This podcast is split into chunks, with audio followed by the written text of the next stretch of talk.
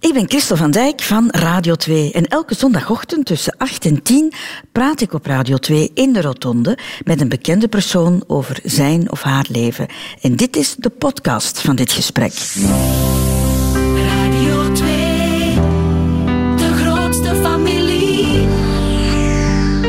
Goedemorgen. We ontbijten vandaag in de Rotonde in Westende met journaliste en nieuwsanker Fatma Taspinaar. Goedemorgen, Fatma.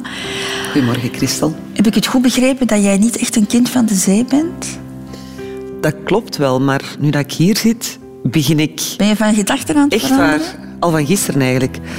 Ja, ik ben van gedachten aan het Je veranderen. vond de zee te groot. Ik vind dat te groot, te wijd, angstaanjagend eigenlijk. Dat maakt het natuurlijk mooi, maar ik ben eerder voor de bergen. Ehm, Dat vind ik dan weer veel angstaanjagender. ah nee, dat vind ik niet. Als je niet op die berg klimt, is die niet angstaanjagend. Maar je zit goed, we moeten niet van plaats veranderen. nee, ik heb een prachtig uitzicht. Maar ja, die, die zee reikt heel ver. en dat is... Ja, ik ben een beetje een controlefreak. Ik denk dat dat daarmee te maken heeft.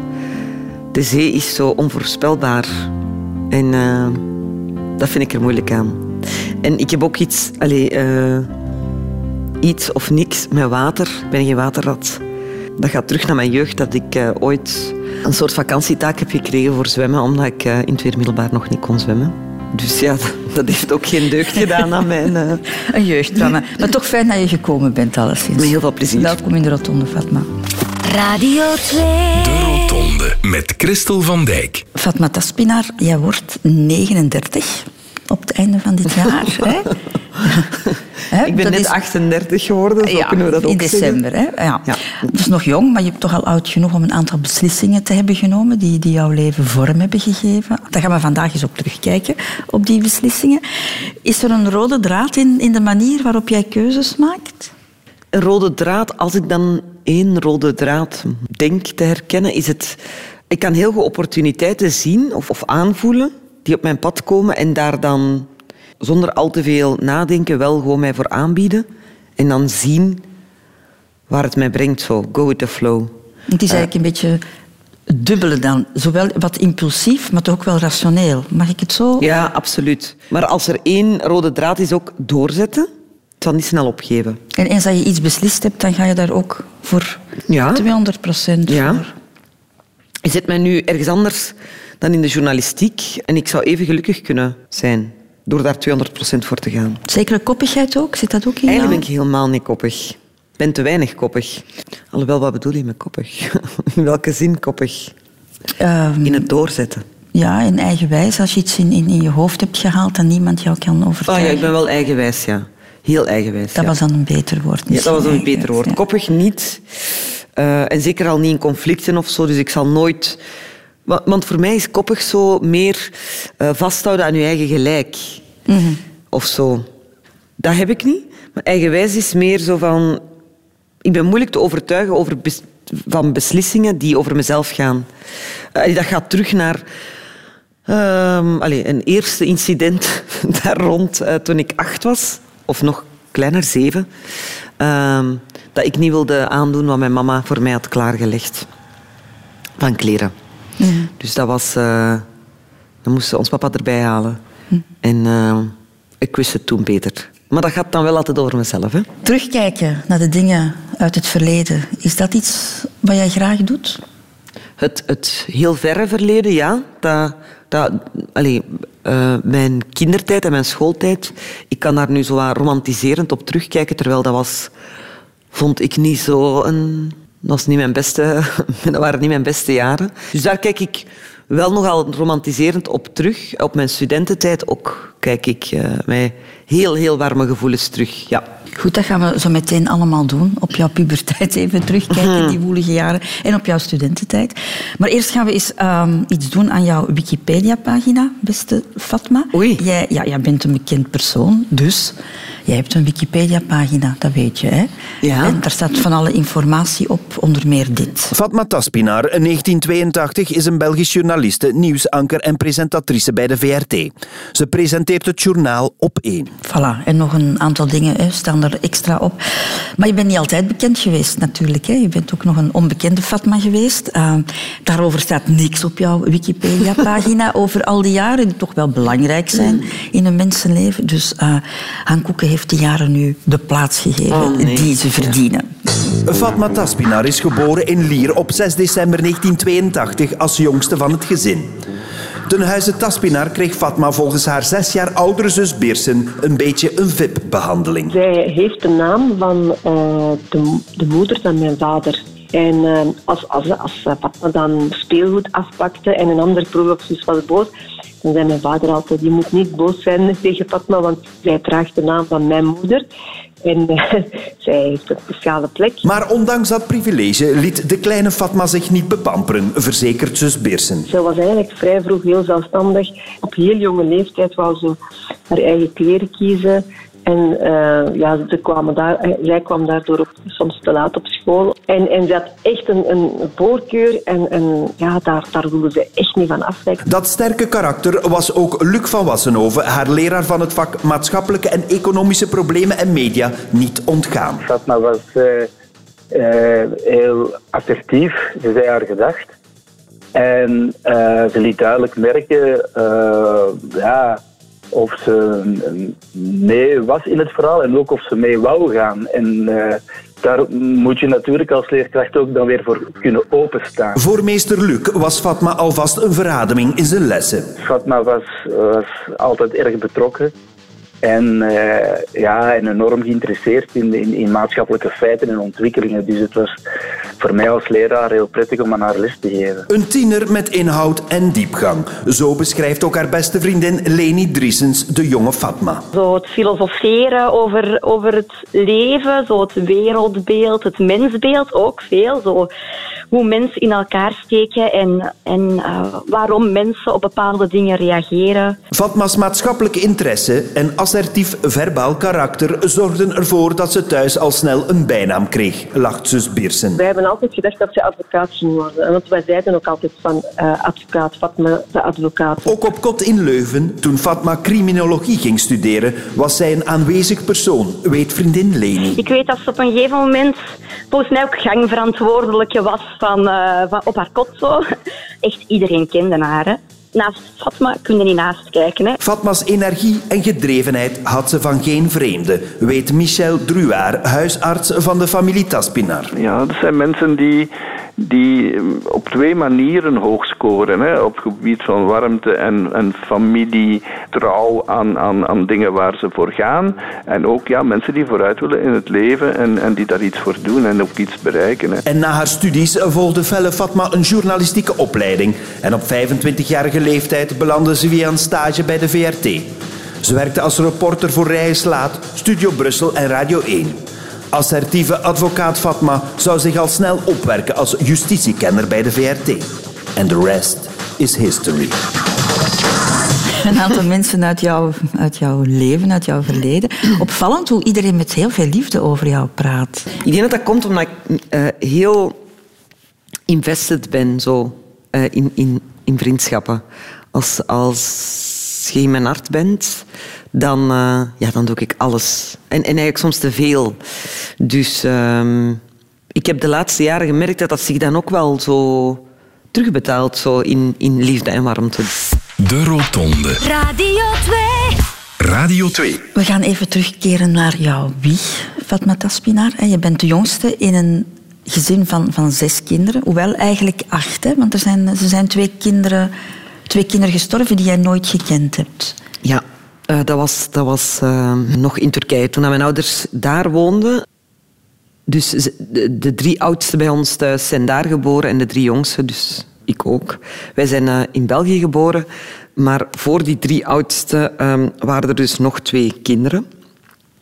die in Turkije zijn geboren en die aan een of andere mysterieuze ziekte zijn gestorven, allebei toen ze eh, vier maanden oud waren. Maar dat, dat, is, dat komt bij ons eigenlijk niet ter sprake. Dat is nooit Hebben die echt... geen plaats in, in, het gezin? Wij, wij praten, allee, ik bedoel, wij kennen die namen wel. Ehm, wij weten dat die bestaan hebben. Eh, maar dat is niet dat daar zo aandenkens of dat die, dat die... Nee. Dat er wordt gesproken, wij zijn met acht. Zo is dat totaal niet. Wij zijn met zes kinderen. Baby's en sterftes, dat was daar veel meer een onderdeel van die samenleving. En ik ben er dan ook van overtuigd dat je daar anders mee omgaat. Hoe vaker dat iets voorkomt, hoe meer dat dat onderdeel begint uit te maken van de manier waar- waarop dat je ermee omgaat, met je rituelen. En daar gebeurde dat heel vaak. Want allee, ehm, mijn ouders woonden echt eh, ja, in het noordoosten van Turkije, eh, bijna Armenië, dus eh, Caucasusgebied zo. En dat waren eigenlijk allemaal dorpjes verspreid over een heel gebied, allee, bergdorpjes eigenlijk. En er was één grote stad waar het, het ziekenhuis was zo. Dus daar moesten ze dan altijd geraken.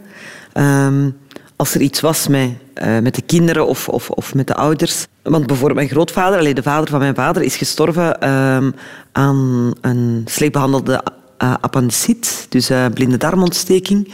Ja, dat is natuurlijk voor ons nu ondenkbaar. Eh, maar als je in die context leeft, heeft dat natuurlijk niet dezelfde impact als zoiets hier zou gebeuren. Want hier zou je dat niet aanvaarden, hè, dat iemand sterft aan een blinde darmontsteking. Dus dat was met die kinderen ook zo, denk ik, met die baby's. Dan zijn er de drie, hè, de drie oudsten zijn dan hè, meegekomen naar België. Jullie zijn, zijn hier geboren. Was dat dan een, een verschil? Heb je daar een verschil in gevoeld? De, degene die, die vandaar kwam, die zeiden nog hun roots, zeiden nog herinneringen aan, aan dat eerste vaderland. En dan jullie, die die roots, die binding niet meer hadden? Ja, ik voel wel bij de, de drie oudsten, dat zijn twee broers en een zus, die hebben wel altijd die drang gehad om terug te gaan naar de plek waar ze geboren zijn. En dat is eigenlijk op dit moment vrij onherbergzaam gebied. Eh, iedereen is daar weggetrokken, ofwel... allee, of, dus mijn grootouders die heb ik eigenlijk alle vier niet gekend, buiten één grootmoeder een paar jaar. Ehm, maar die zijn allemaal gestorven. Ehm, ja, mijn ouders komen daar bijna zelfs niet meer. Mijn mama heeft daar wel een zus wonen, die ik nog nooit heb ontmoet. Dus dat is wel heel bijzonder. Dus die woont daar wel nog. Maar voor de rest is daar eigenlijk iedereen weggetrokken naar de grotere steden in Turkije of naar het buitenland geëmigreerd. Maar ik merk dat wel bij de drie oudsten, die zijn ook, ook terug geweest een paar keer. En dat dat wel trok zo aan hen. Maar bij mij niet. Ik ben nogal honkvast ook. Dus ik weet niet of het een met ander te maken heeft. Maar ik denk altijd dat... ehm, dat is heel grappig. Als je dan mijn moeder bekijkt... Dat is iemand die heel traditioneel eh, is opgevoed. Die ook traditioneel is in haar, eh, in haar geloof. Maar in haar hoofd en in haar spirit is dat iemand ja, die, die zegt ook altijd van... Ik ben iemand die graag thuis is en graag... eh, ik hoef niet al te veel avonturen en ons mama begrijpt dat niet. Maar dat is natuurlijk dat is iemand die het grootste avontuur eh, dat je maar kan aangaan, is aangegaan. Hè. Dat is uw land, Ja, uw vrienden, uw hond, uw paarden. Want dat hadden die daar allemaal achterlaten. Ehm, en naar hier komen. Dus ik vind dat, dat is iets... Ik vind dat... Als ik daaraan denk, dan... Ik vind dat gruwelijk. Ik zou dat nooit kunnen. Onze mama die snapt soms niet waarom dat ik zoveel ti- tijd nodig heb om alleen te zijn en thuis te zitten. Mocht ik uw leven hebben, ik zou, eh, ik zou het wel weten. Dus ik zou... eh, dus als mama is nog altijd een avonturier en ik niet. En dat is wel grappig om te zien. Ja, ik heb geen kinderen en... en ja, zij denkt dat ik elke dag de wereld ga exploreren. Terwijl dat jij heel graag thuis met de sloffen aan ja, onder de dekens Dus mama wil dat niet geloven. Die hoopt dat dat niet waar is.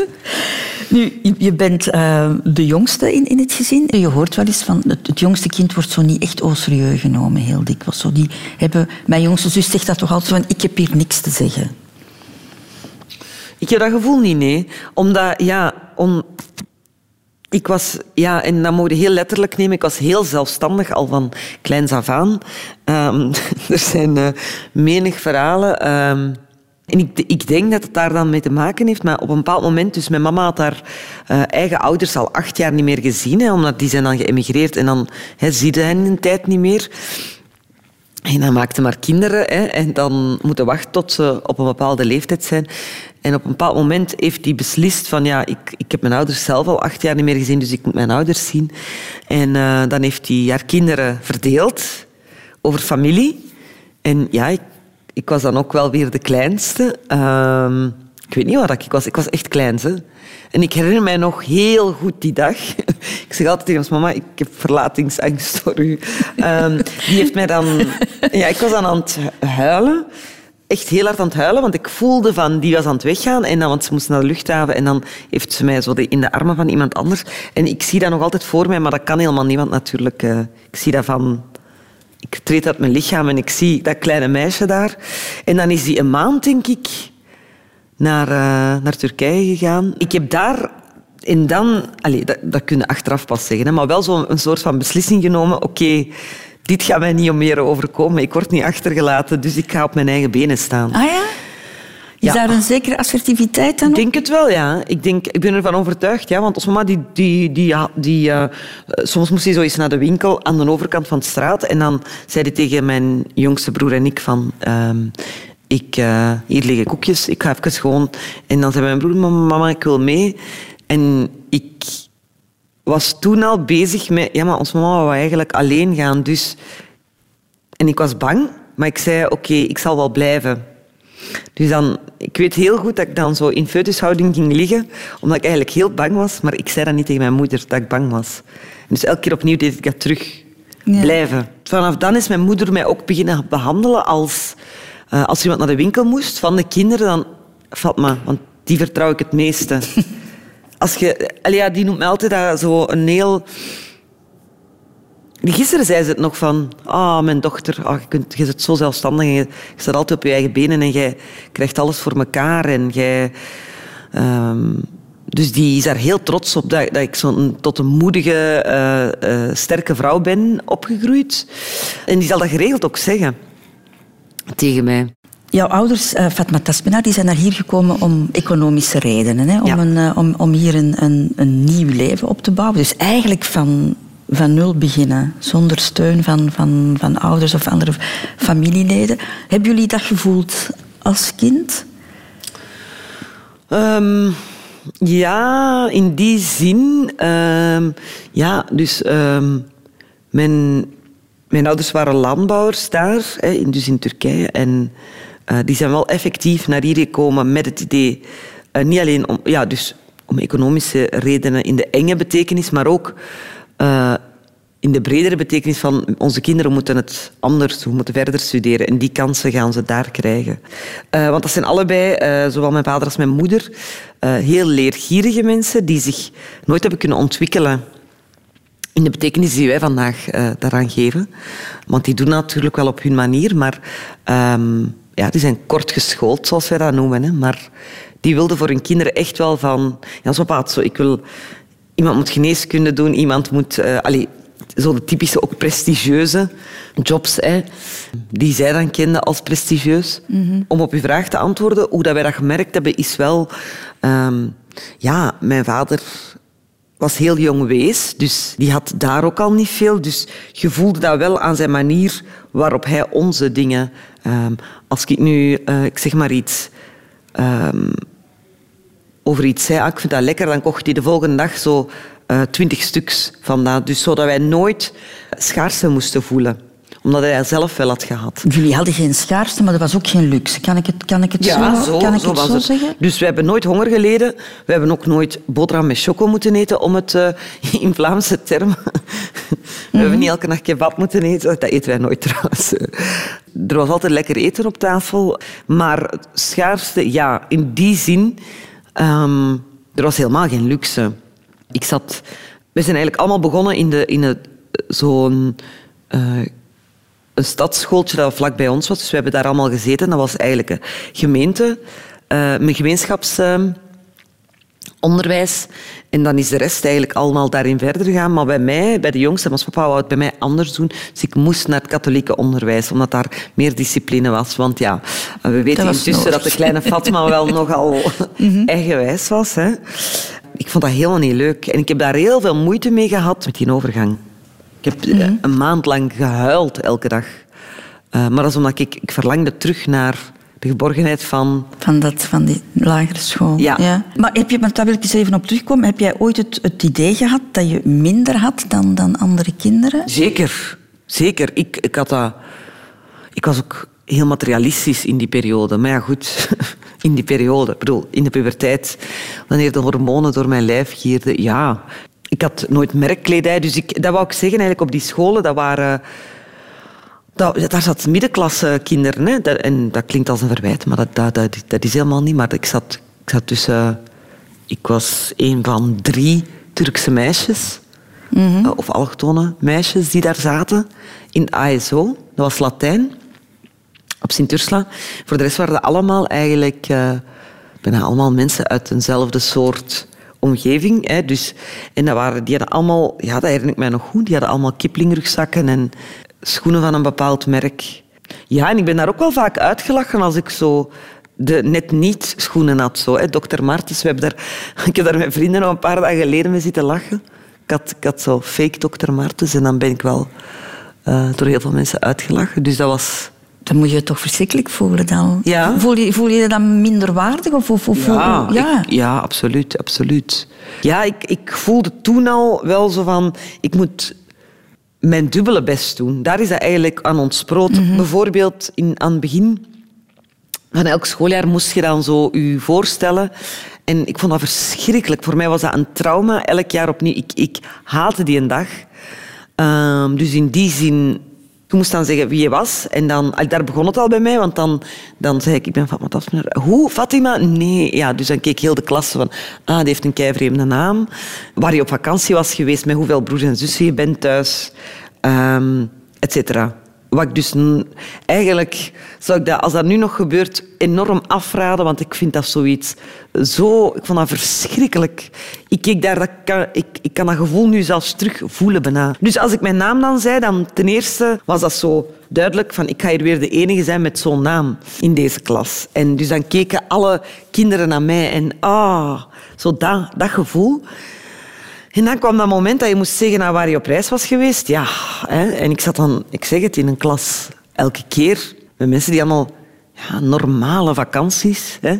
Spanje of Portugal of, of nog verder, weet ik veel. En dan moest ik zeggen dat wij weer nergens naartoe waren geweest, want ja, tot mijn twaalf was ik zelf ook nog nooit in Turkije geweest, want dus er moest, ja. En dan eh, moest ik zeggen met hoeveel dat wij thuis waren. En ik vond dat daar altijd een zweem van marginaliteit aan hing. Als je zei, wij zijn met zes kinderen. Eh, van, ja, die zullen het dan ook al niet breed hebben thuis, want alleen maar marginale mensen maken zoveel kinderen zo. En dus dan had ik... ja, ik ben nogal een plantrekker. Ik vertelde dan dat wij maar met vier waren, dus ik had twee mensen eruit geschrapt. Omdat vier vond ik... eh, Dat was aanvaardbaar. Dus mijn zus Biersen, die daar net voor was mijn tante geworden. En een van mijn broers was mijn onkel. En wij waren maar met vier.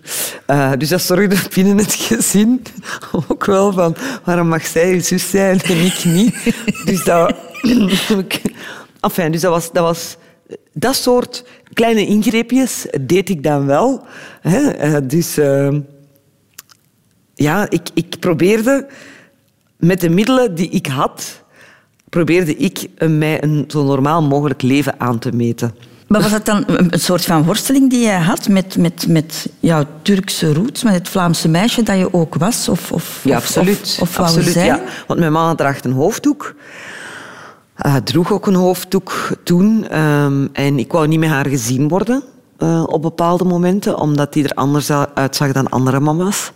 Wa, allee, ik bedoel, wij kunnen daar wel over praten hè, nu. Maar dat, heeft daar, dat moet daar ook heel erg gekwetst hebben, want ik wil... Ik, wil, ik liep dan vooruit of zo. Ehm, dus eigenlijk, ik, ik, alles aan mijn leven op dat moment deed mij minderwaardig voelen. En ik, eh, ik maakte daar een heel ander leven van dan het eigenlijk echt was. En dan is dat toch gek om dan te zien waar ik vandaag sta of zo.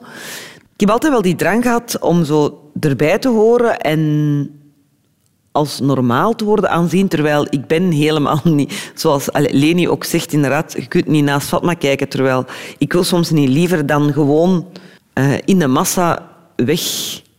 Maar het is... Ja, ik ben wie ik ben natuurlijk, dus ik heb, ik heb het afgeleerd om mezelf te willen veranderen. Radio 2. Fatma Taspinar, we hebben het daarnet al gehad over eh, jouw ouders, hè, die eh, hoge verwachtingen of mooie verwachtingen hadden eh, voor hun kinderen. En daar hoorde onderwijs ook bij. Goed onderwijs, hè. mooi diploma, mooie toekomst. Was dat iets dat jij zelf ook wou? Ik heb wel woelige jaren gehad in het middelbaar. Ik ben ook twee keer blijven zitten. Er was niet zo in de sterren geschreven van dit is nu, een, bij mijn oudste zus. eh, ja, dat was een strever, hè, zoals wij dat toen noemden, of misschien nu nog. Bij haar was dat wel, stond in de sterren geschreven van oké, dit is een, eh, een, een goede studente. Bij mij was dat niet. Maar je hebt wel voor Latijnse gekozen, dus je gaat meteen Ja, toen eigenlijk wel, voor dus een... in, Voor het lager was ik, was ik een zeer goede leerling. Ze hebben mij ook aangeraden in het zesde leerjaar om Latijn te doen. Ik heb dat ook gedaan, maar wat ik eigenlijk deed, ik studeerde niet meer. En dat is heel vreemd, want in het lager deed ik dat wel. Ik studeerde niet meer, ik las gewoon heel de dagen boeken. Dus als ik examen zat, dan in plaats van, hè, dan moet je examen instuderen. En dan las ik eh, heel de namiddag gewoon een boek. Eh, goed, achteraf gezien is dat eh, alleen maar van pas kunnen komen. Maar ja, dat kunnen natuurlijk op dat moment niet. Ik had soms zelfs examens waar ik niks invulde. Dus ik was helemaal geen goede student. Had het ook te maken met die, waar we het daarnet over hadden, die identiteitscrisis die je misschien wel meemaakte op dat moment? Ja, ja, ja, dus dat was bij mij niet alleen de puberteit, de hormonen, eh, de, eh, het niet weten waar hoor ik bij. Soms al wel eens gepest worden. Maar, maar ik ben nooit echt gepest, maar wel omdat... Ja, vroeger wist men ook niet zo goed hoe dat je zo mee moest... Ja, het woord allochtonen gebruik ik niet graag, maar ik zal maar zeggen Turks of Marokkaanse kindjes in ASO moest omgaan. Eh, omdat, omdat er niet veel waren en ik werd dan nooit naar wij werden nooit naar verjaardagsfeestjes. Wij kregen ook dat communicaartje niet. Terwijl ik wou dat dan, want ik dacht, allee, zo'n mooie foto waar jullie hè, helemaal zijn op, opgetaloord. Ehm, en dan ging ik vragen van... Ik wou er zo graag bij horen dat ik me dus niet mijn schaamte opzij zette en ging vragen mag ik alsjeblieft toch komen naar uw verjaardagsfeestje? Er is nog nooit iemand die daar nee op heeft gezegd. Ja, dat zijn allemaal dingen die natuurlijk... Je zit mijn thuissituatie met veel meer kinderen dan, dan bij de anderen. Met ouders die er anders uitzien, die een ander geloof beleiden, die een andere taal spreken. Eh, met een kleine behuizing, met veel minder geld. Eh, ja, tel daar bovenop uw puberteit en dan weet je het wel, hè, dat, het, eh, dat het stormde in mijn hoofd. En de enige manier om die storm te doen liggen waren boeken.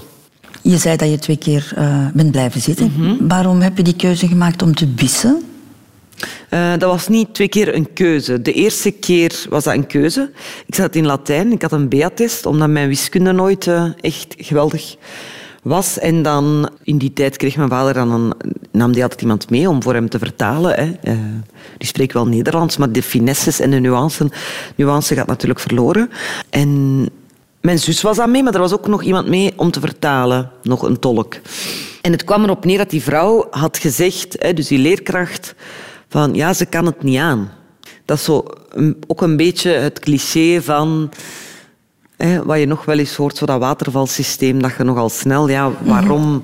In eerste instantie beginnen er te weinig eh, leerlingen van een andere origine aan die studies in het middelbaar. En als ze daar dan al aan beginnen, is daar toch zo'n moment.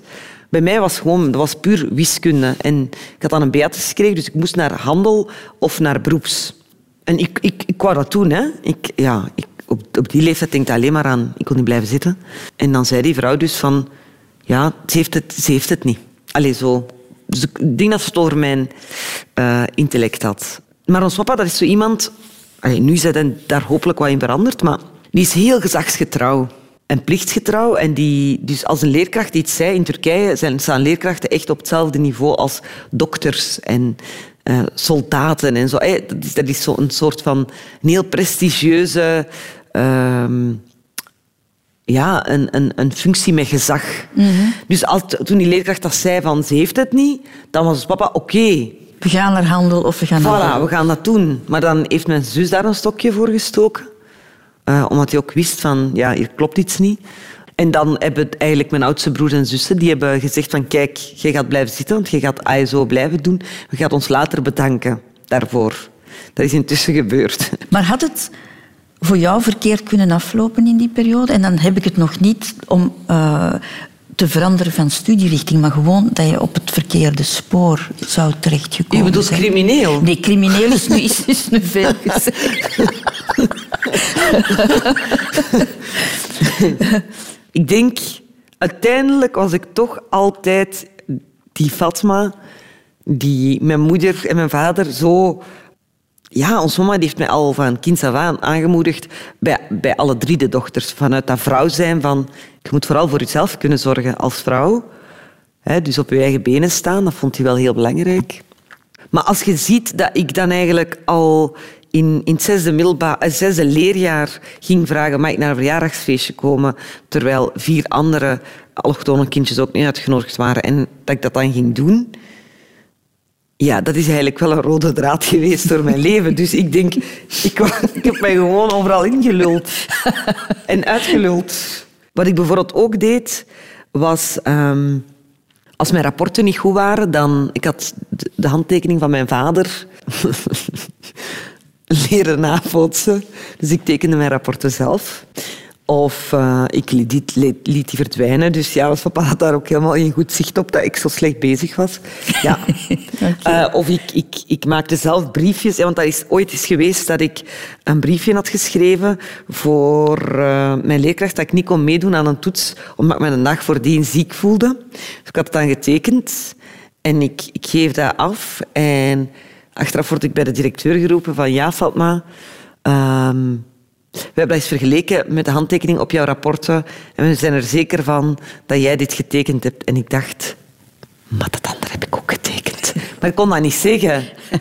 Dus dat was wel hilarische tafereelen soms. Van, ik dacht, ja, maar dat is allemaal door mij getekend. Dus, dus het is allemaal door... Ik zeg, ja, maar ik, ik meen het, dat is door dezelfde persoon. Dus ik, ik vervalste ook de handtekening. Is dat, kan ik nog, eh, is dat verjaard intussen? Ja, toch? Ik denk dat ieder kind dat al wel eens gedaan Trouwens, en ons papa die weet dat ook intussen. Hè, maar, dus ik, ik, ik deed er wel alles aan om zo op onconventionele manieren toch mijn pad te vinden. Dus in die zin was er volgens mij altijd van mij iets geworden, omdat ik heel oplossingsgericht ben en heel creatief. Radio 2. De Rotonde. Voor negen uur hebben we het er al over gehad. Hè. Na een moeizame schooltijd, en dat is dan nog zacht uitgedrukt in het middelbaar onderwijs, ga jij naar de universiteit en ga jij criminologie studeren. Ja. Waarom die keuze? Ja, als mijn eh, oog op iets valt of mijn hart naar iets uitgaat, dan, dan kan ik nogal vastberaden zijn. Dat was bij criminologie eigenlijk eh, al in mijn laatste jaren van de middelbare school wist ik, want je hoort vaak van mensen die niet, niet goed weten, oh, wat ga ik studeren? Bij mij was dat criminologie, is dat altijd criminologie geweest. En wat was jouw plan daarmee? ja, ik heb altijd heel veel interesse gehad voor menselijk gedrag in het algemeen. Dus ik vind dat gewoon heel intrigerend en interessant om na te denken eh, over mensen en hun gedrag en waarom ze doen wat ze doen. En zeker over abnormaal gedrag. Allee, wat is abnormaal natuurlijk? Crimineel gedrag? Waarom Crimineel iemand- gedrag, voilà. En hoe wij mensen daar allemaal in verschillen en hoe wij daar allemaal andere dingen mee doen. Ehm, dat hoeft zelfs niet crimineel gedrag te zijn, het is gewoon gedrag in het algemeen. Maar crimineel gedrag is natuurlijk een uitwas van gewoon menselijk gedrag. Hè. Dus dat heb ik altijd gehad. Ehm, ik las vroeger boeken over seriemoordenaars. Dus dat zat er altijd wel in. Zat er ook iets idealistisch in, in die keuze? Ja, eh, ja op, op bepaalde momenten wel. Want ehm, ik heb dan uiteindelijk de afstudeerrichting jeugd eh, en jeugddelinquentie en preventie gedaan.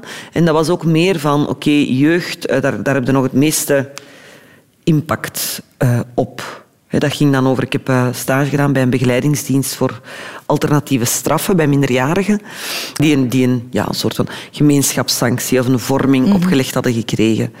En ik had daar ook meteen zo de, ze noemen dat de hulpreflex, dat je die uit hun omgeving wilt halen, mee naar huis nemen, in bad steken en zo hè, voor zorgen. Dat gaat natuurlijk niet. Dat heb ik al wel vrij snel geleerd, dat ik ze niet allemaal kon redden. Was het een teleurstelling? Ja, absoluut. Ja, ik wou redden. Hè. Ik wou redden. Ik wou, die, ik wou een verschil maken voor... Maar allee, ik heb daar dan vrij snel geleerd, want ik had een heel fijne stagebegeleider waar ik nog altijd contact mee heb. Dat is heel veel buikgevoel en vertrouwen op dat buikgevoel en heel weinig resultaat. Dat waren geen korte termijn resultaten die je daar kon boeken. Terwijl in de journalistiek, ja, je maakt een stuk en dat is al op antenne. Dat is, Is dat de reden dat je ook nooit echt als criminoloog hebt gewerkt? Ja, ja, ik denk dat wel. Ik denk dat wel, onbewust. Hè. Ik, bedoel, ik kan dat nu achteraf zeggen, maar op dat moment had ik dat waarschijnlijk niet echt... eh, heb ik dat niet heel bewust meegemaakt. Maar ik voelde wel dat ik heel gefrustreerd werd door... eh, we waren bijvoorbeeld op een bepaald moment... eh, dat heet zo ervaringsleren. Ehm, en dat is zo jongeren die, die iets... fout hadden gedaan rond drugs of allee, een joint verkocht. Die werden dan zo op een drugsleerproject, heet het dan. dan. En dan gingen wij daarmee naar Dardenne. En dan ervaringsleren is dat die dan zo geblinddoekt elkaar moeten vertrouwen en zo van een rots moeten klimmen en dat soort dingen. En dan, dat is verschillende keren gebeurd. Dat, dat, dat zijn ja, 15, 16-jarigen. die, die trappen het dan gewoon af om een joint te gaan roken. Hè. Want die hebben zoiets van, hé, dat is hier precies een girokamp. Dus dat is heel moeilijk om... Dat heet dan ervaringsleren, omdat de bedoeling is dat ze die ervaringen daar transfereren naar hun echte leven, hè, namelijk groepsdruk en zo. Dat je dat leert op basis van die oefening met dat blinddoeken. Maar dan denk ik... Nu verwacht je wel heel veel van die jongeren. En wat mij dan opviel, en mijn, mijn stagebegeleider heeft dat later nog veel gebruikt tijdens lezingen. Ik zei toen van... Amai, die luisteren gewoon echt niet. Daar kon ik niet mee om. Dat vond hij geweldig. Van, ja, dat is eigenlijk de samenvatting. Die luisteren gewoon echt niet. Die overtreden de wet. Dus dat was voor mij wel zo... Ah, oké, dat is hier geen romantische... oh, hier is iemand die iets crimineel doet en ik ga die redden. Ik analyseer zijn gedrag en ik ga hem redden. Het sprookje van de reddende engel werd eh, Ja, maar dat is heel snel paternalistisch. Hè? Ik, ik, Ja. ik weet het. Ik weet het. En dat geduld en dat buikgevoel, dat was er toen zeker. Was ik daar nog niet klaar voor, voor een leven. Om... Waarom heb je de keuze gemaakt, Fatma, om, om jouw studies zelf te betalen?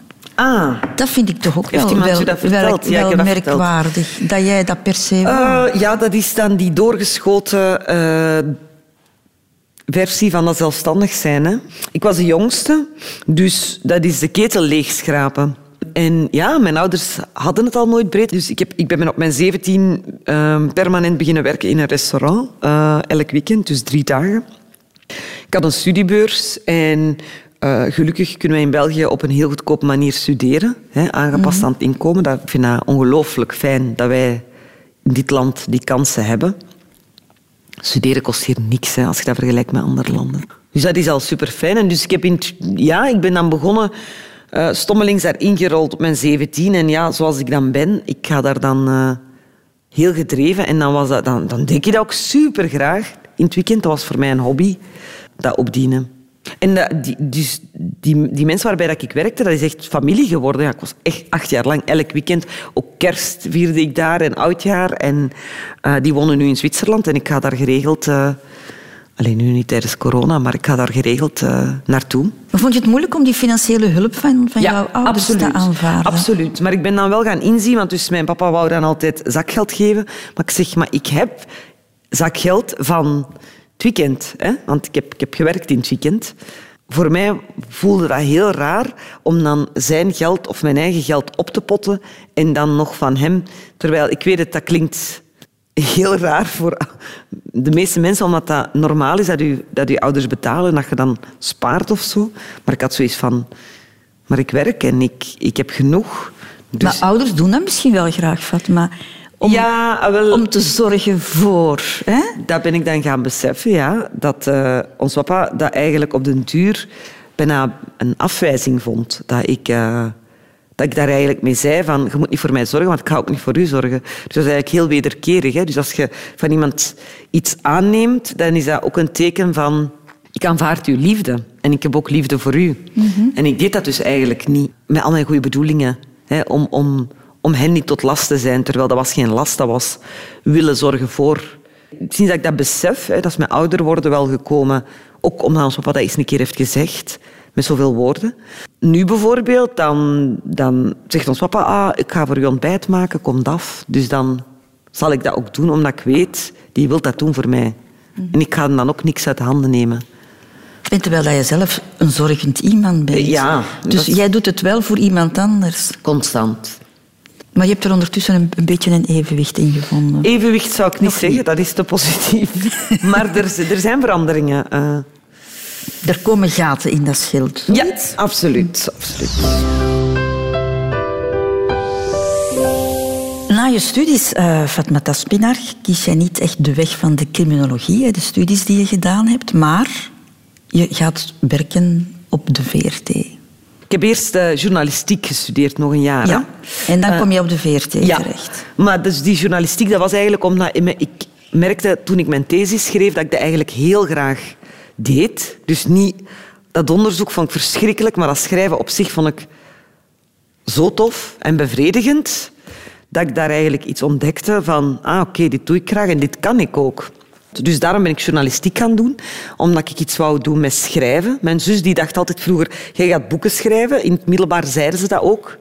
Want ik was dan in veel slecht, maar niet daarin. Hè. In schrijven kon ik wel. Maar dus journalist worden was niet echt jouw grote droom. Nee, helemaal niet. Ik had dat nog nooit... Ik, nee, ik ben daar echt stoemelings ingerold en ik zit er tot over mijn oren in. Zit je dan nu, kan je dan nu zeggen dat je op de plek zit waar je je goed voelt? Ik zal het anders zeggen. Ik heb niet het gevoel dat ik, op, dat ik op dit moment in mijn leven op de plek zit waar ik zou moeten zitten. Om een evenwichtig leven te leiden. Maar ik, ik word wel gelukkig van mijn job als justitiejournalist. Word ik heel gelukkig. Omdat dat toch de twee combineert. Hè. Maar wat bedoel je met een evenwichtig leven? Om een evenwichtig leven te leiden? Ik vind op dit moment eh, dat, ik- dat, dat mijn werk te veel van mijn eh, eh, leven... Dat vind ik wel, ja. En met corona is dat precies alleen maar erger geworden. Want ik had voor corona besloten, we gaan wat gas terugnemen. En toen weten we allemaal wat er gebeurd is. Alles is nu corona en corona is mijn job. Dus Ja, in nieuws is iets dat zeven dagen op zeven dagen. Hè? 24 op, op, op 24, dat, is- dat stopt nooit, dat is, dat is heel veel. Is het daarom dat je voor jezelf de keuze ook gemaakt hebt om regelmatig echt rustpunten in te bouwen? Prikkelvrije momenten, zoals jij het noemt? ja. Ehm, ik moet eerlijkheid zelf wel zeggen dat het de laatste jaren daarbij, eh, dat het er niet goed mee gaat met mijn prikkelvrije dagen, omdat ik ze bewuster toch terug moet nemen. Maar ik kan eh, een prikkelvrije dag, ik, wanneer was de laatste keer, eh, pakt iets, minder, iets meer dan een week geleden. Maar Dus beschrijf eens wat dat is voor Wel, jou, ja, ik ga het beschrijven. Dus iets meer dan een week geleden, dat is eigenlijk gewoon eh, maar je hebt gradaties. Hè? dus er zijn momenten dat alle visuele en auditieve, ja, alles van vervuiling en overbodige prikkels worden gewoon weggefilterd. Dus geen licht, geen geluid en dan een boek. En, maar dat kan ook zijn niks, ook dat niet. Dus zelfs geen scherm of, of, of geen boek. En gewoon in de zetel liggen de hele dag.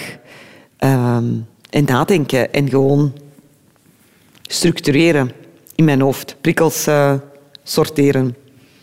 Is dat levensnoodzakelijk, die momenten voor jou? Absoluut. En voor mijn omgeving ook, hoor, denk ik. Want als ik dat niet doe, dan ben ik, eh, ja, dan ben ik zo opgesmeten. Eh, omdat ik begin te voelen... Ja, ehm, ja, ik ben hoogsensitief, al is dat niet gediagnosticeerd, maar dat voel ik gewoon aan elke vezel, omdat alle, elke, alles heel erg binnenkomt. Ehm, en ik weet bijvoorbeeld, als ik een hele drukke dag heb gehad, en ja, mijn job is altijd druk, en ik kom heel veel mensen tegen, dus voor mij werken, werken, werken. Allee, ik bedoel, op verschillende vlakken. Dat gaat niet alleen over die job, maar ook gewoon werken in relaties met mensen. En dan heb ik elke ehm, knipoog of scheve blik, of, dat heb ik allemaal onthouden en elk woord. En dan, als ik dan thuis kom na zo'n dag van 10, 12 uur, dan... Want ik voel dat dan zo stijgen, de koorts zal ik maar zeggen, de prikkelkoorts. En dan denk ik, oh ja, ik ga straks... eh, dan moet ik dat handmatig sorteren. En als ik dat bijvoorbeeld na zo'n dag doe, en ik doe dat de volgende dag ook, dan heb ik zo een hele dag niet meer nodig natuurlijk. Hè. Maar er zijn periodes waarbij dat ik werk en dan s'avonds nog iets sociaal ga doen en terugwerk. En als er dus vele dagen overgaan, dan ben ik uitgeput. Echt uitgeput. Waarom heb je ja gezegd op het voorstel om anker te worden? Want dan lijkt me dat die prikkels, de stress, de verwachtingen allemaal nog groter worden. Wat voor jouw mentale evenwicht misschien toch nog belastender is. Wel, dat is aan het eh, contradictorische aan mij. Is, eh, ik kan niet tegen het veel aan prikkels, maar ik ga ook heel tijd op zoek naar prikkels. Ehm, en ik ben vaak ook de prikkel... Allee, dus ik, ik zend ook heel veel prikkels uit, hè, want ik ben een heel aanwezige persoon. Dus actie, reactie. Dus ik lok ook heel veel prikkels uit. Dus ja, dat is dan eh, de, de tragiek van mijn leven, zal ik maar zeggen. Dat van de ankeren, ik heb niet ja gezegd. Ik ben mezelf gaan aanbieden eh, van als er testen zijn, vraag mij dan ook. En bleek dat ze toevallig net op dat moment testen aan het organiseren waren. Voilà. Ehm, Er zit wel veel dualiteit in jou, hè, beste Fatma. ja, is dat niet Dat in is elke het mens? minste dat we kunnen zeggen. Ja, absoluut. Maar dat is denk ik toch wel bij iedere mens zo. Eh, alleen in de media proberen wij altijd zo mensen in hokjes. Zo van, elke mens is genuanceerder dan dat wij er soms van maken. Hè. In de media dat is gewoon door de snelheid. En, en, en daarom denk ik, ik ben soms een te grote twijfelaar. En ik heb te veel nuance in mij en dualiteit om in zo'n wereld mee te draaien waar alles zwart-wit is. En altijd maar meer, heb ik de indruk. Ik weet niet of dat een job is waar ik oud in wil worden. Maar ik doe mijn job heel graag als mijn bazen luisteren. De grootste familie. Radio 2. We hebben het over eh, studies, over werk, over carrière gehad, eh, Fatma Taspinar. Ehm, Oei, ik voel ja, voel, voelt je het? Ik voel, ik voel wat het volgende gaat zijn. Zeg eens. De liefde. Ja, kunnen we het daar even over... Ik ga even, gewoon even vragen... was juist. Ja, het was juist. Ja. je voelde mij aarzelen, hè? Omdat ik weet dat je er ook niet heel graag over babbelt. Je Ehm. vindt dat heel privé, wat het ook is, uiteraard. Ja, in mijn geval is dat wel... Ja, ik... ik eh,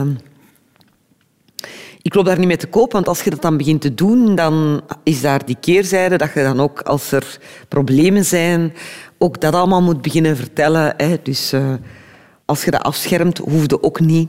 Hè. De, de goede en de slechte dagen kunnen allemaal gewoon voor jezelf houden. Maar ehm, om op uw vraag te antwoorden, er is gewoon op dit moment niet echt superveel over te vertellen. Allee, of Zullen we dan gewoon eens bij het begin beginnen en even naar jouw thuis gaan? Ja. Wat heb jij daarvan meegekregen? Van waarde en, en van beeld van de liefde? Ja, mijn ouders die zijn nog bij elkaar. Ik ga niet zeggen dat dat altijd eh roze geur en maneschijn is geweest tussen die twee, maar ehm, eigenlijk eh, wat wel heel mooi is, hoe ouder dat die worden, hoe... Hè, dus mijn ouders zijn nu begin 70 en ik heb hen gisteren nog gezien. En die, ehm, ja, die zijn zo gehecht aan elkaar. En voor mij is liefde ook, dat hoeft niet, dat is geen verliefdheid, maar zo meer hechting, elkaar nodig hebben en voor elkaar door het vuur gaan. Voor mij is liefde iets van, wij zijn een team. En er is iemand die, als de wereld tegenzit en het stormt buiten, dan kun je naar die ene persoon en die zegt, ah, het komt allemaal goed. Of moet ik iemand op zijn bakken slaan voor u? Dat is ook, dat is voor mij liefde, dat je eh, ondanks eh, tegenstellingen, dat je loyaal, eh, gehecht en voor elkaar door het vuur gaan. Ik ben ook niet iemand die snel verliefd wordt. Ik kan me wel snel hechten aan mensen, maar verliefdheid, dat is, dat is mij nog maar misschien één of twee keer. Twee keer maar? In heel, echt verliefd twee keer? Ja, echt verliefd zo. En, en Man, dat is niet veel, hè? Nee. In ene keer een coup de foudre, ja, dat was wel eh, heel speciaal. Eh, maar verliefdheid, dat gaat voorbij. En veel belangrijker zijn die waarden. Ik heb heel veel waarden meegekregen van mijn ouders, moet ik wel zeggen. Allee, sommige vrienden noemen mij hun moreel kompas. En ik moet zeggen, mijn ouders zijn wel allebei morele kompassen eh, op veel vlakken. Eh, qua respect voor elkaar en, en ja, dat zijn heel waardige mensen. En ik, ik vind het heel schoon om te zien dat die, naarmate dat ze ouder worden, gewoon door de tijd of, of, of de omvang van het samenleven, dat je dan eigenlijk zo bijna gedwongen tot elkaar, gedoemd tot elkaar. Ja, dat vind ik schoon. Voor mij is het allerbelangrijkste dat ik, eh, mm, dat ik, dat ik met iemand ben die, waar dat je samen alleen mee kunt zijn. Ik kan heel goed alleen zijn, dat weten we intussen. Maar ik sta daar ook enorm voor open om samen alleen te zijn met iemand. Dat vind ik ook een heel fijne gedachte. Want ik vind dat ik te goed ben aan het worden in dat alleen functioneren en dat alleen. Vind je dat gevaarlijk? Ja, ja want ik, ik, ik merk dat ik eh, niet, zo, niet echt opensta op dit moment. En dat dus eigenlijk aan mij ligt een beetje. Eh, dat ik geen opportuniteiten zie op dat vlak. Ik eh, zie zoveel opportuniteiten in het leven en daar dan niet. Want je wordt alleen maar strenger en kieskeuriger. In alles wat je doet ben je heel gebeten en, en, en, en eh, heel gedreven. in en, en- relaties, ja. Ja, ook? Ja, ja. ja, ja. Ik, ben, eh, ik ben extreem zorgzaam, ook in relaties. Ik verzorg andere mensen graag, dus ook een partner. Maar goed, ik heb me daar ook al wel aan mispakt, want ik dacht vroeger wel van... door voor andere mensen te zorgen, word ik gelukkig. Maar dat klopt dan niet. Ik moet ook wel voor mezelf zorgen en dat probeer ik nu vooral te doen. Geef jij te veel soms in, Ja. in, een, in een relatie? Ja? Oh, ja, Ten ja. koste van? Ja, ten koste van, absoluut. Ja, en mensen kunnen dat zich bij mij niet voorstellen. Maar eh, ja, die kant zit er wel in, ja. ja. Is ehm, kinderen een afslag waar jij ooit over nagedacht hebt? Ja. Ehm, ik ehm, heb nog nooit echt die biologische klok voelen tikken. Allee, het clichématige van mensen die altijd geweten hebben dat ze kinderen willen en dat ze ja, echt voelen dat ze iets tekort komen. Ik heb geen gevoel van iets, dat ik iets tekort heb in mijn leven. Dat is misschien ook het probleem. Ik zou wat meer tekort moeten voelen, vind ik, of behoefte om een partner of een kind. Maar ik weet dus met, met ouder worden zijn dat natuurlijk, want ik ben nu inderdaad, zoals jij al zei, ik word 39. Nee, nee, ik ben pas 38 geworden. Maar dus dat is toch wel een bepaalde leeftijd, hè, de vruchtbare jaren, zeg ik dan. Ehm, wat ik wel moeilijk vond aan corona, is dat er voor mij, eh, en nu ben ik heel openhartig, maar dat zijn, dat zijn zeker al bijna twee vruchtbare jaren die volledig weg zijn voor mij. En mensen doen dan altijd... Allee, want eh, onlangs schreef iemand iets eh, van... eh, dat ik moest zwijgen, want dat ik mijn inkomen niet ben verloren en dat ik eh 100% toekomstperspectief. Maar ehm, ik denk dat we er... Voor mij is het heel belangrijk, tijdens die corona, mensen zijn altijd maar aan het denken vanuit hun eigen... Nee, kijk eens, weg vanuit je bubbel. Voor jongeren zijn dat hun eh, studiejaren die verloren gaan. En voor iemand als ik is dat... Ja, ik, ik tel dat in vruchtbare jaren. Radio 2. Dit is Radio 2. Nog geen 39 jaar. Zeg het goed, hè? Nog geen 39. Mm, nog helemaal geen 39 Net 38. Ja. Ehm, en ik moet jou wel laten doodgaan, Fatma Taspinaar. Ga je tegenstribbelen of ga je dat toch gewoon aanvaarden? Als ik morgen zou sterven, ik zou dat niet erg vinden. Ja, ik ga dat ook niet erg vinden, want ik ben er dan niet meer. En ik ben ook niet het type dat zo koste wat kost tot zo 90 wil worden of zo oud worden. Dat zegt mij niks. Ik wil gewoon de tijd die ik leef, wil ik gewoon zo goed mogelijk doorbrengen. Maar je, je hebt wel je hebt iets met oudere mensen, dat heb jij Ja, wel. Hè? Jij, ik hou van oudere mensen. En de rust die zij soms Ja. ook wel kunnen uitstralen. Zo, niks hoeft meer, is het dat? Ja, dat is wel zo. Daar is geen competitie.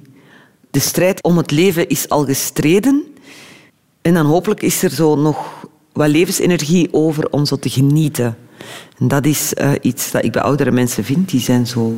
Maar is dat ook jouw ideaalbeeld om zo rust, rustig oud te worden? Ja. Ah, ja. Ja. Ja, maar ik, ik, allee, ik ben de laatste tijd met een aantal vrienden ook, hè, want ik heb veel oudere vrienden ook, eh, wiens ouders dan nu zo net die stap moeten zetten naar het rusthuis. En ik zie hoe hard dat die daarmee worstelen. In de zin van, ja, die ouders willen dat niet, hè. Omdat je weet, dat is het begin van het einde. Hè. En dan oh, kan ik me dat zo inbeelden van, dat is toch verschrikkelijk. Vanaf dat je naar het rusthuis gaat, dan weet je, dat is de laatste fase, de laatste deur naar... Dat lijkt mij... En dat boezemt jou wel angst Dat in. boezemt mij wel angst in. Ja. Die eenzaamheid, geen deel meer uitmaken van... Kijk, dan is de cirkel rond, want dat heb ik altijd al gewild. Deel uitmaken van iets. Oké, ja, misschien van het rusthuis dan. Ik zal wel de grote entertainer worden daar, daar ben ik wel zeker van. Maar ehm, zo, hè, er zijn mensen die zeggen van... Ah, als, je morgen, als ik nu morgen in een ongeval ben, dan zou ik dat erg vinden voor mijn ouders en, en mijn geliefden en mijn broers en zussen. Die, die gaan dat erg vinden. Eh, maar als dat zo is, dan ik denk wel dat ik veel uit het leven heb gehaald. Maar jij hebt er dan geen schrik van als ik het dan zo... Nee, als ik, ik hoop dat ik niet veel voel als ik sterf. Ik ga, als, ik, als ik sterf, ga ik er spijt van hebben. Van, ah, tju, ik wou toch nog wel leven, daar ben ik zeker van. Maar ik ben altijd bezig met de dood van anderen. Geliefden, daar boezemt mij enorm angst in. En dan vooral familie. Maar je hebt al wel wat confrontaties gehad hè, met eh, de dood van, van anderen. Een Ehm, aantal vrienden van jou zijn toch... Hè? Ja, tot voor een paar jaar geleden had ik daar eigenlijk geen enkele ervaring mee. En nu plots eh, heel veel, ja. Dus uh, ja, Christophe Lambrecht was een hele goede vriend. Van Studio Brussel. Van? Studio. Brussel. Maar nog recenter, allee, omdat dat nu heel erg vooraan in mijn hoofd zit, ja, Bart Vrijken. De film, de filmkenner. hè? filmjournalist, ja. Dat is gebeurd in eh, eind oktober. Dat is heel, heel, heel erg hard binnengekomen. Maar dat is dan direct zo... Ik ben dat beginnen rationaliseren. Eh, ja, dat was een van mijn beste vrienden. Ehm, dat was heel onverwacht. Eh, ja, denk dat mensen dan wel weten eh, wat dat betekent. Dus dat is nu een aantal maanden geleden, maar nu, nu begint dat pas zo dat besef te komen. Omdat door corona... hè, Dus zijn begrafenis was ook zomaar met 15 mensen. Ik was daar gelukkig wel bij, want ik vind... Maar als ik dat zo vergelijk met Christophe, bij Christophe was daar duizend man. Eh, dat was daarna een drink. En we hebben zijn leven gevierd en geklonken op zijn leven. En dat was fantastisch. Ook al klinkt dat raar om over een begrafenis te zeggen. Maar dat was echt zo lach en een traan en nog meer lachen. Ehm, allemaal mensen die hem graag zagen, die dat ook konden zeggen en uiten. En bij Wart was dat 15 man. En ja, dat was het dan. Dus dat was, vond ik al als ritueel, heb ik dat echt nodig. Dat ik goed die tranen kan laten komen en dat ritueel van dat afscheid nemen en dat dat leven gevierd wordt even. Dat, dat, dat dat niet zinloos was. En nu was dat zo betekenisloos, omdat dat... in- ja, en, en dan, daar, ah, daar word ik wel kwaad van. Allee, bedoel, op wie dan? Maar, allee, ik denk dan wel we moeten oppassen dat we die rituelen straks niet kwijt zijn en dat we niet... Soms beseffen we te weinig hoe belangrijk dat die rituelen zijn. Ik was ook de enige van de VRT die op die begrafenis was. Maar die had natuurlijk op, met heel veel mensen van de VRT ook wel een goede band. En die zijn allemaal niet op die begrafenis kunnen komen. Dat is gewoon heel vreemd. En door corona besefte ook niet, want die was er dan al een tijdje niet. En er zijn zoveel mensen die thuiswerken. Je voelt dat die afwezigheid van die persoon niet. Die kan evengoed gewoon aan telewerken zijn, hè? nog altijd. En daardoor dringt dat besef niet door. En ik vind dat je echt wel... Toen ik dat hoorde, hè, dat hij dood was, wou ik ook direct zijn lichaam zien. Ik wou die nog eens vastpakken. Ehm, ik wou van dat fysieke lichaam afscheid nemen. Dat is voor iedereen anders, denk ik. Maar ik had wel echt nood om, om hem te zien en om dat besef. Je zei gisteren dat je nog naar zijn graf bent geweest. Hè? Ja, ehm, ja. afgelopen weekend. Ja. Ja. Ja. en, en wa- waarom doe je dat? Ik, ik weet het niet, want hij is gecremeerd. Hè? Ja, dat was met vrienden en dan maak ik zo wat grapjes met hem om, hem om in leven te houden of zo. Dat hij erbij is. Ik, ik, ik merk dat ik nu pas eh, heel veel ruimte begin te eisen voor daarover te praten. Ik heb heel veel nood om over hem te praten plots. Dus wacht, hè, eh, oktober, hoeveel maanden is dat geleden intussen? November, december, januari. Ja, pakt vier, vijf maanden. En dus na die begrafenis heb ik eigenlijk geen enkele keer meer moeten wenen. Wat ik niet tof vind, want ik vind dat, zo dat rauwe verdriet voelen, vind ik, dat zou wel eens fijn zijn. Om dat rauwe verdriet van gewoon dat gemis. Ik heb eigenlijk altijd maar gerationaliseerd van misschien heeft hij nu rust gevonden en geprobeerd dat zo goed te praten. Maar eigenlijk is dat gewoon kloten. Dat, die, dat was een kei toffe vriend en die zat vol levensvreugde en die had heel veel enthousiasme in zich. En dat is er niet meer. En ik, ik zou graag iets organiseren, maar het gaat niet. Ik wil zo een soort van alternatieve begrafenis. Zeker als dat een jaar, ik denk eind oktober, moeten wij daar zeker ja, wil ik daar zeker... eh, omdat Wart was iemand, een grote filmkenner, maar ook zo liefde voor Hollywood en de dramatiek. En ik heb ook voor zijn begrafenis had ik dan zo'n beetje zo... Met een klein beetje Hollywood glamour. Hè, zo met zo'n pluim hier en zo. Nog net geen netteke. Had ik tijd gehad, was ik het gaan halen, omdat ik weet dat Wart dat zeker zou geapprecieerd hebben. Eh, hij houdt- hield wel van zo de Hollywood eh, glitter en glamour. En ik had hem ook wel heel erg zo'n grootse, dramatische begrafenis gegund. Zo'n Hollywoodiaanse begrafenis. Dat had hij tof gevonden. En dat heeft hij niet kunnen hebben. Dat is zo erg. Zullen we ook even de afslag toekomst bewandelen, Fatma Taspinar? Wat zie jij daar op die afslag? Ik zie veel corona nog. Ehm, en ik las ergens dat eh, een viroloog zei dat we niet naar de toekomst moeten kijken en geen plannen moeten maken, maar moeten leven van dag tot dag.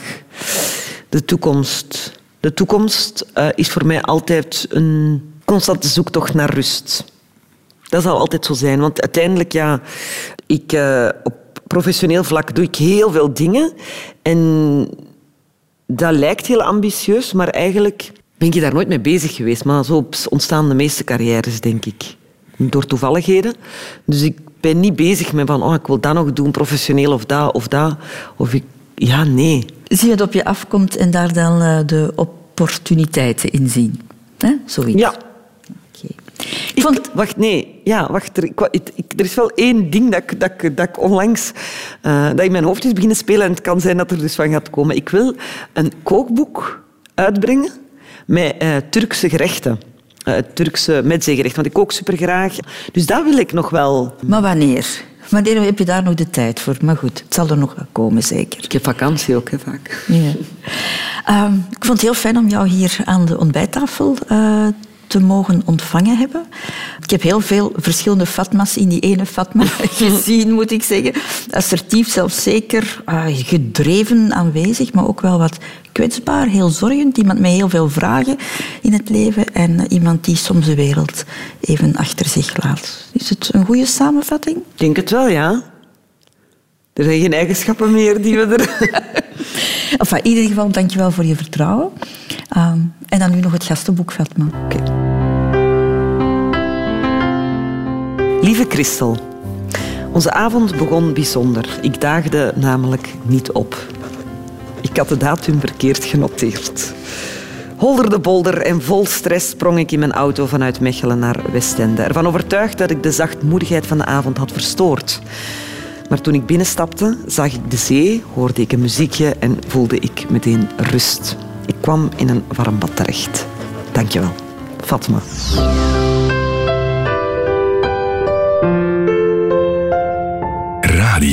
2.